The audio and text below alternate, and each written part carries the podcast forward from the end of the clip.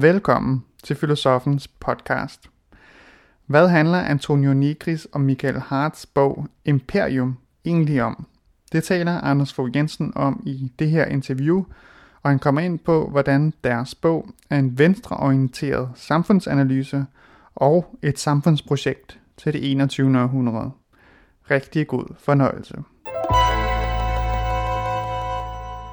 Anders Fogh Jensen, nu hører man tit, at det 20. århundrede, det var ideologiernes århundrede, og at ideologierne er døde nu.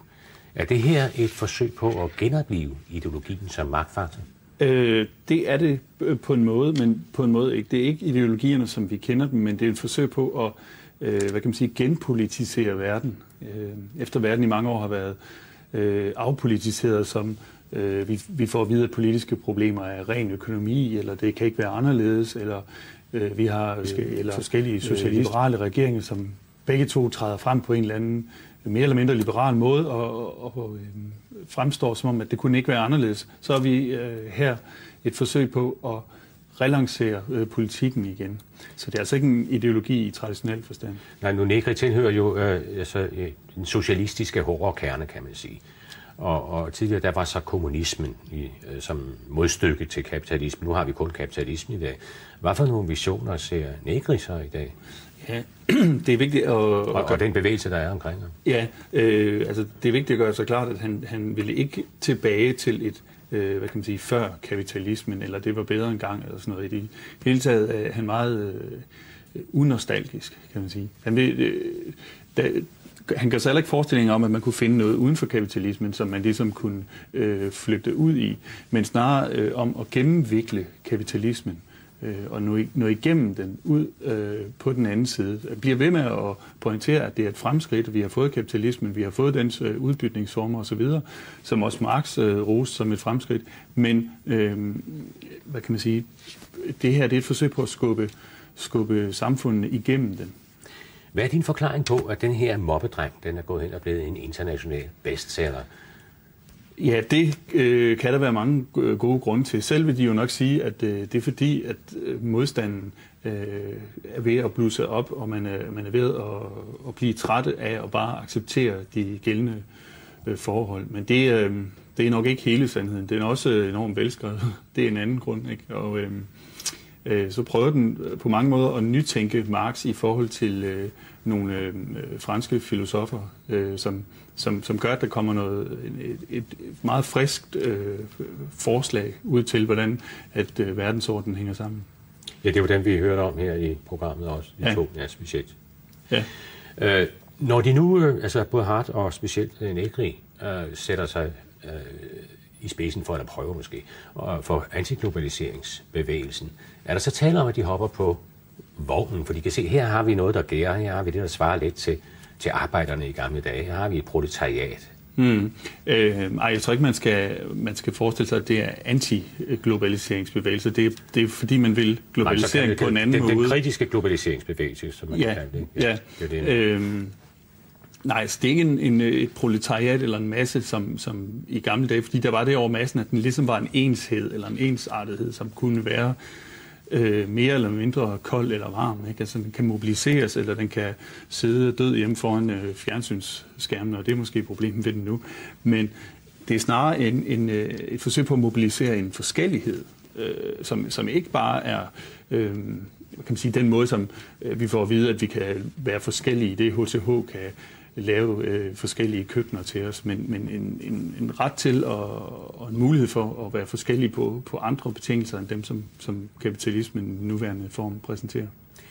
Men globaliseringen er vel sådan set den yderste konsekvens af, af imperiet, er det ikke? Jo, det, det kan man godt sige. Øh, det, som, som Negri vil, vil øh, sige, det er, at den måde, som man traditionelt forstår globalisering på, det er som en masse lande, der så er øh, forbundet i en form for international sammenhæng, altså ligesom vi tænker FN som international. Der prøver de at sige, Hart og, og Negri, nej, det, det er helt, øh, det, det må forstås på en helt anden måde. Øh, det er altså ikke længere sådan, som, som i gamle dage, hvor vi kunne tegne på globusen og, og tegne nogle øh, områder grønne, og, øh, dem som Portugal havde erobret, og gule og røde osv., Øh, nej, vi, vi, vi må forstå øh, kloden på en helt anden øh, måde, som har mere at gøre med øh, strømme og omformninger og modulationer og, og, og mennesker, der bliver til øh, på forskellige måder, end det har at gøre med forsvar af territorier. Øh, øh, så, så det er en anden form for, for produktion, og det er også en anden form for produktion, end den ja. Marx analyserede. Ja, altså dengang, der var det jo så, at, at altså, deres vision gik jo på, at kapitalismen blev ført ad absurdum, så at sige. Ikke? Ja. Altså, den ophævede sig selv, den gik i sig selv, den døde til sidst, på en, fordi det er sin egen vægt, så at sige. Ja. Men der er jo også sådan noget undergangsfilosofi i, i Negris øh, vision. Ikke? Ja, det, det, det kan man godt sige. Det, der bliver i hvert fald øh, hen, hen imod slutningen af imperiet der formuleret en doktrin som om, at det her det er lige ved at ske. Og det tror jeg, man må, man må forstå ikke bare som en beskrivelse af verden, men som en, et forsøg på at påvirke verden. Det vil sige altså som en, hvad kunne vi kalde det, en, en art talehandling. Men, men, men det, den, det sandhed, altså bogens sandhed består ikke i, at det er sandt nu, men i, at det kan blive sandt. Og der bliver han så politiker igen, kan man sige, og ja. agitator, kan man sige. Ja, og, og ikke kun videnskabsmand eller forsker eller analytiker. Ja, og det er også derfor, altså, den, den præsenterer sig selv som, at det her det er en videreførsel eller nogle uskrevne kapitler i Marx's Kapital, men i virkeligheden er det måske mere det kommunistiske manifest, altså noget, der vil øh, handle i verden. Og ja. det er sådan, jeg tror, man skal forstå det som et indslag. Ja, altså han opererer også, ligesom han gjorde i 70'erne og vi gjorde i 60'erne, med ulydighed ja. øh, som et, et meget vigtigt element. Ja. Øh, hvad rolle spiller det? Ja, altså han, han taler i, i filmen her om, at han er en uh, cattivo maestro, en, ja. en, en dårlig leder eller en dårlig lærer, øh, hvilket for ham er positivt, ikke? At, at man lærer, lærer hvad kan sige, systemet vil have orden. Øh, det man så må lære individerne, hvis de skal blive mere frie, end de selv umiddelbart tror, de kan blive, det er at være ulydige over for den orden. Øh, og, og sjovt nok, så er der et vis sammenfald med for eksempel, øh, godt nok i en anden kontekst med, med Kant, som i, i slutningen af det 1800 også talte om, at, at man måtte være ulydighed over, eller ulydig over for, for autoriteter og tro på øh, fornuften. Så, så det, det handler altså om, øh, at man, man ikke bare skal gøre, som man hele tiden får fortalt, øh, at man skal gøre. Det vil sige, kapitalismen siger hele tiden, bliv nu, øh, udvikle dig nu, øh, bliv kompetenceudviklet, forandre dig, øh, få et øh, liv og en vovse osv. Hvis man gør det øh, og føler, at nu laver man sit eget individuelle liv, så, så, så går man sådan set bare øh, empiriets ærne øh, giver penge til krige og så videre. Ikke? Øh, der, der handler ulydigheden om at, at prøve at finde nogle individuelle veje. Efterfølgeren til den her bog, som ja. er kommet her for nylig, den går jo meget ind i begrebet krig ja. i forbindelse med imperiet også. Ja.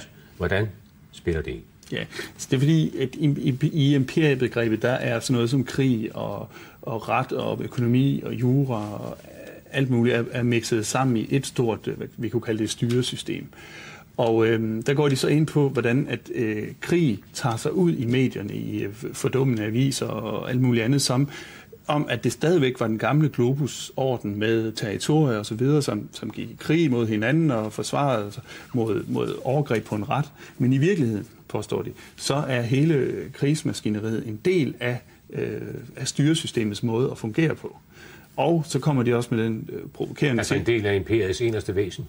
Øh, ja, ja, altså de, de mener, at krig ligesom er fundamentet for, for samfundet. Ikke? Hvor man tidligere har sagt, at øh, det er retten, der er fundamentet, og når den så bliver overtrådt, så går vi i krig for at komme tilbage til retten eller tilbage til orden. Så vender de det på hovedet og siger, jamen, men i virkeligheden er, er krig fundamentet. I, I virkeligheden handler det om hele tiden at finde grunden til at gå i krig. Og der er det lidt, øh, hvad kan man sige, lidt uheldigt, at, at de noget så velgørende øh, humanitære organisationer i virkeligheden nogle gange forbereder krigen, fordi de går ind i landet og erklærer, at her er brug for hjælp, her er brug for intervention, her er brug for, at man, man gør noget, og derefter kan det militære apparat så rulle ud. Det bliver så suge ind, så ja, sige. Ja, det kan man sige. Ja. ja. Øh, og der foreslår de så, at man i stedet for at, at forstå krig som noget, der sker en gang imellem, må, må forstå, at vi hele tiden er i en global borgerkrig, der ikke er begrænset i tid og rum, men opstår over det hele. Ja, tak fordi du kom. Tak.